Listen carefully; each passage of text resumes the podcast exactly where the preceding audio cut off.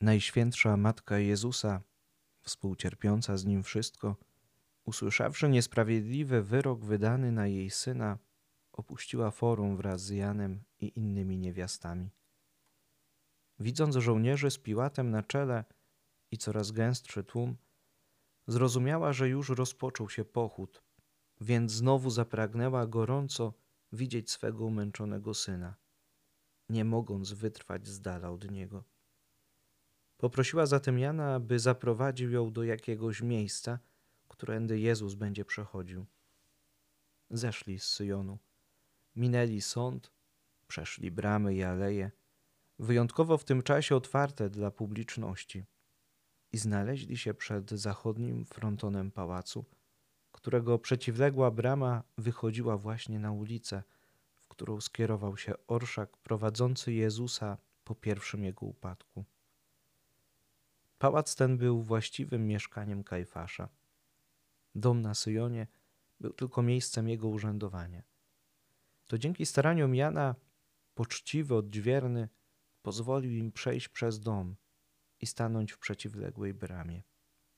Maryja, otulona w szaro-niebieską szatę, weszła w sień pałacową. Za nią święte niewiasty, Jan i jeden z siostrzeńców Józefa z Arymatei. Maryja miała oczy zaczerwienione od płaczu. Drżała na całym ciele. Już tu słychać było wrzawę i zgiełk zbliżającego się pochodu.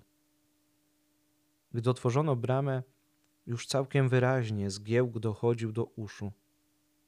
Wzdrygnęła się Maryja i przerwawszy modlitwę, rzekła do Jana: Czy mam patrzeć na to? Czy znajdę siłę, by znieść ten bolesny widok? Może lepiej wrócić zaraz. Lecz Jan dodał jej otuchy, mówiąc, że lepiej popatrzeć, niż nosić się z bolesną myślą o tym. Wyszli więc pod sklepienie bramy, patrząc na prawo w dół drogi. W tym miejscu naprzeciw bramy droga już była równiejsza. Pochód był oddalony tylko osiemdziesiąt kroków. Motłoch uliczny nie poprzedzał pochodu, tylko gromadkami ciągnął po bokach i z tyłu. Ci, którzy ostatnio opuścili forum, śpieszyli naprzód bocznymi uliczkami, by zająć godne miejsce do patrzenia. Na czele pochodu ujrzała matka najświętsza pachołków katowskich, niosących triumfem narzędzia męczeńskie. Zadrżała na ten widok i załamała ręce. Jęk bolesny wydarł się z jej piersi. Boleścią niezmierną zdjęta wsparła się matka o filar bramy i załamawszy ręce czekała, aż ujrzy Jezusa. Była blada jak trup wargi jej posiniały. Minęli ją faryzeusze, zbliżył się wyrostek trzymający napis, a za nim, za nim pochylony pod ciężarem krzyża, szedł chwiejnym krokiem Syn Boży, jej najświętszy Syn, Odkupiciel. Głowę przystrojoną cierniową koroną odwracał na bok. Oblicze miał blade, skrwawione, poranione, Broda pozalepiana była zeschłą krwią. Oprawcy ciągnęli go nielitościwie za sznury. Przechodząc, wzniósł Jezus nieco głowę poranioną strasznymi cierniami i spojrzał na matkę boleściwą wzrokiem pełnym tęsknej powagi i litości. Lecz w tej chwili potknął się i upadł po raz drugi pod ciężarem krzyża na kolana. Boleść niezmierna i miłość odezwały się na ten widok z podwójną siłą w sercu matki. Zniknęli jej z oczu kaci, zniknęli żołnierze. Widziała tylko swego ukochanego, wynędzniałego, skatowanego syna. Wypadła z bramy na ulicę, przedarła się między siepaczy i upadła na kolana przy Jezusie, obejmując go ramionami. Mój synu Matko moja. Wielu żołnierzy poczuło, poczuło iskierkę litości w swym sercu, ale bezlitośni się pacze szydzili tylko, a jeden z nich zawołał: Niewiasto, czego tu chcesz? Było go lepiej wychować, a nie byłby się dostał w nasze ręce. Zmuszono Najświętszą Pannę do odejścia, ale żaden z siepaczy nie ośmielił się ją znieważyć.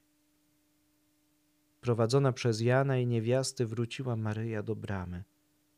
I tu prawie martwa z boleści upadła na kolana na skośny narożnik bramy. Zwrócona tyłem do smutnego orszaku, by nie widzieć więcej, co tam się dzieje. Niedługo klęczała Najświętsza Panna, bo żołnierze towarzyszący po bokach pochodowi kazali usunąć się z drogi. Więc Jan wprowadził ją na powrót w bramę, którą zaraz za nimi zamknięto. Siepacze tymczasem poderwali Jezusa z ziemi. Rozluźnili przywiązane ramiona poprzeczne jedno z nich puścili wolno, uwiązane na pętlicy. Teraz założyli krzyż tak, że ten wolny kawałek zwisał przez piersi i Jezus mógł go trzymać ręką. Skutkiem tego z tyłu krzyż więcej zwisał do ziemi. Towarzyszący pochodowi motłoch nie szczędził Jezusowi na igrywań i szyderstw. Tylko gdzieniegdzie stały szczelnie osłonięte, zapłakane niewiasty, które litowały się nad Jezusem. Chrystus, który szedł drogą krzyżową na górę stracenia, nie miał już za bardzo na kogo liczyć. Tłum, który jeszcze tydzień temu ścielił mu pod nogi płaszcze, który z radością wykrzykiwał Hosanna, który witał go z gałązkami palmy w ręku jako pana i króla, dzisiaj pluje na niego. Obrzuca go kamieniami, uczniowie gdzieś się rozpierzchli. Żaden nie stanął w jego obronie. Żaden nie podbiegł, aby mu pomóc nieść ciężar na górę. Piotr, ten, który nie tak dawno zapewniał o o swojej lojalności i całkowitym oddaniu, zaparł się go trzy razy. Odwrócił się od niego. Czyżby wszyscy byli przeciwko niemu? Czy w tej masie ludzi nie znalazł się nikt, kto by miał chociaż odrobinę współczucia dla niego, kto pomógłby mu nieść ciężar ludzkich grzechów? On wie, że na tej drodze cierpienia nie jest sam. Wśród rozwrzeszczanego tłumu dojrzał znajomą twarz. Twarz, która wyraża nie tylko współczucie, ale to jest twarz matki, która najlepiej potrafi zrozumieć i najlepiej towarzyszyć swojemu synowi. Maryja najlepiej rozumie ból i cierpienie syna i najlepiej towarzyszy Chrystusowi na jego ostatniej drodze. Trudno to przedstawić i opisać. Niemożliwym jest wyobrazić sobie ból, który targał niepokalanym sercem Maryi, gdy na drodze krzyżowej spotkała swego najmilszego syna. Patrzyła na Chrystusa obrzuconego obelgami, wezwiskami i opluwanego przez ludzi, których tak kochał. Widziała w jego oczach ból, czuła to, co on musiał czuć, bo matka potrafi czuć to, co czuje jej dziecko. Czuła ogromny żal, gdy Piotr zaparł się Chrystusa, gdy wszyscy odwrócili się od niego. Ona czuła to dokładnie i cierpiała razem z nim.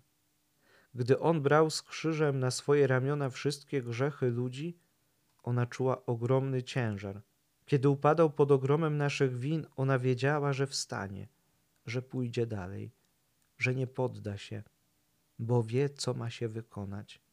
A teraz, kiedy przechodzi obok niej, wiedziała, że nic nie dzieje się wbrew woli Boga, że nic nie dzieje się tylko przypadkiem.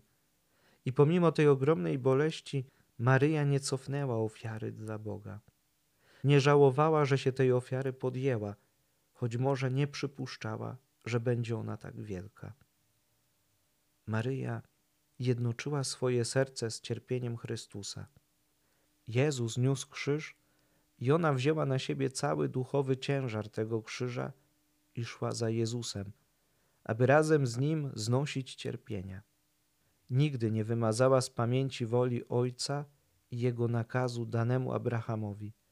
Weź Twego Syna jedynego, którego miłujesz, Izaaka, idź do kraju Moria i tam złóż go w ofierze, na jednym z pagórków, jaki Ci wskażę. Często spotykamy się z sytuacjami, w których brakuje nam odwagi, brakuje nam solidarności, aby tak jak Maryja iść, towarzyszyć naszym najbliższym i znosić razem z nimi trudy codziennego życia. Istnieje w naszym życiu pokusa ucieczki przed problemami innych, pokusa zostawienia ich i potrafimy wtedy wytłumaczyć sobie to zachowanie naszymi obowiązkami. Wytyczamy sobie granice zainteresowania życiem kogoś nawet najbliższego i czujemy się całkowicie usprawiedliwieni.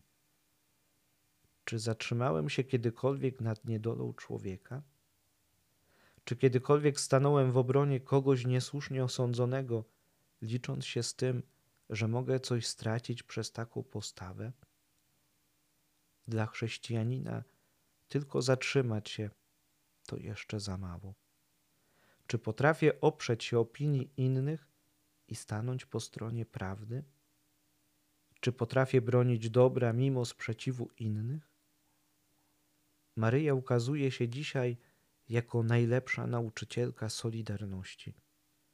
Ona pokazuje nam, co robić. Nie ucieka. Ona trwa przy swoim synu, pomimo tego, że wszyscy chcą go zabić, że wszyscy są przeciw niemu. Maryja opiera się całkiem tłumowi gapiom, bo wie, że jej syn jest niewinny.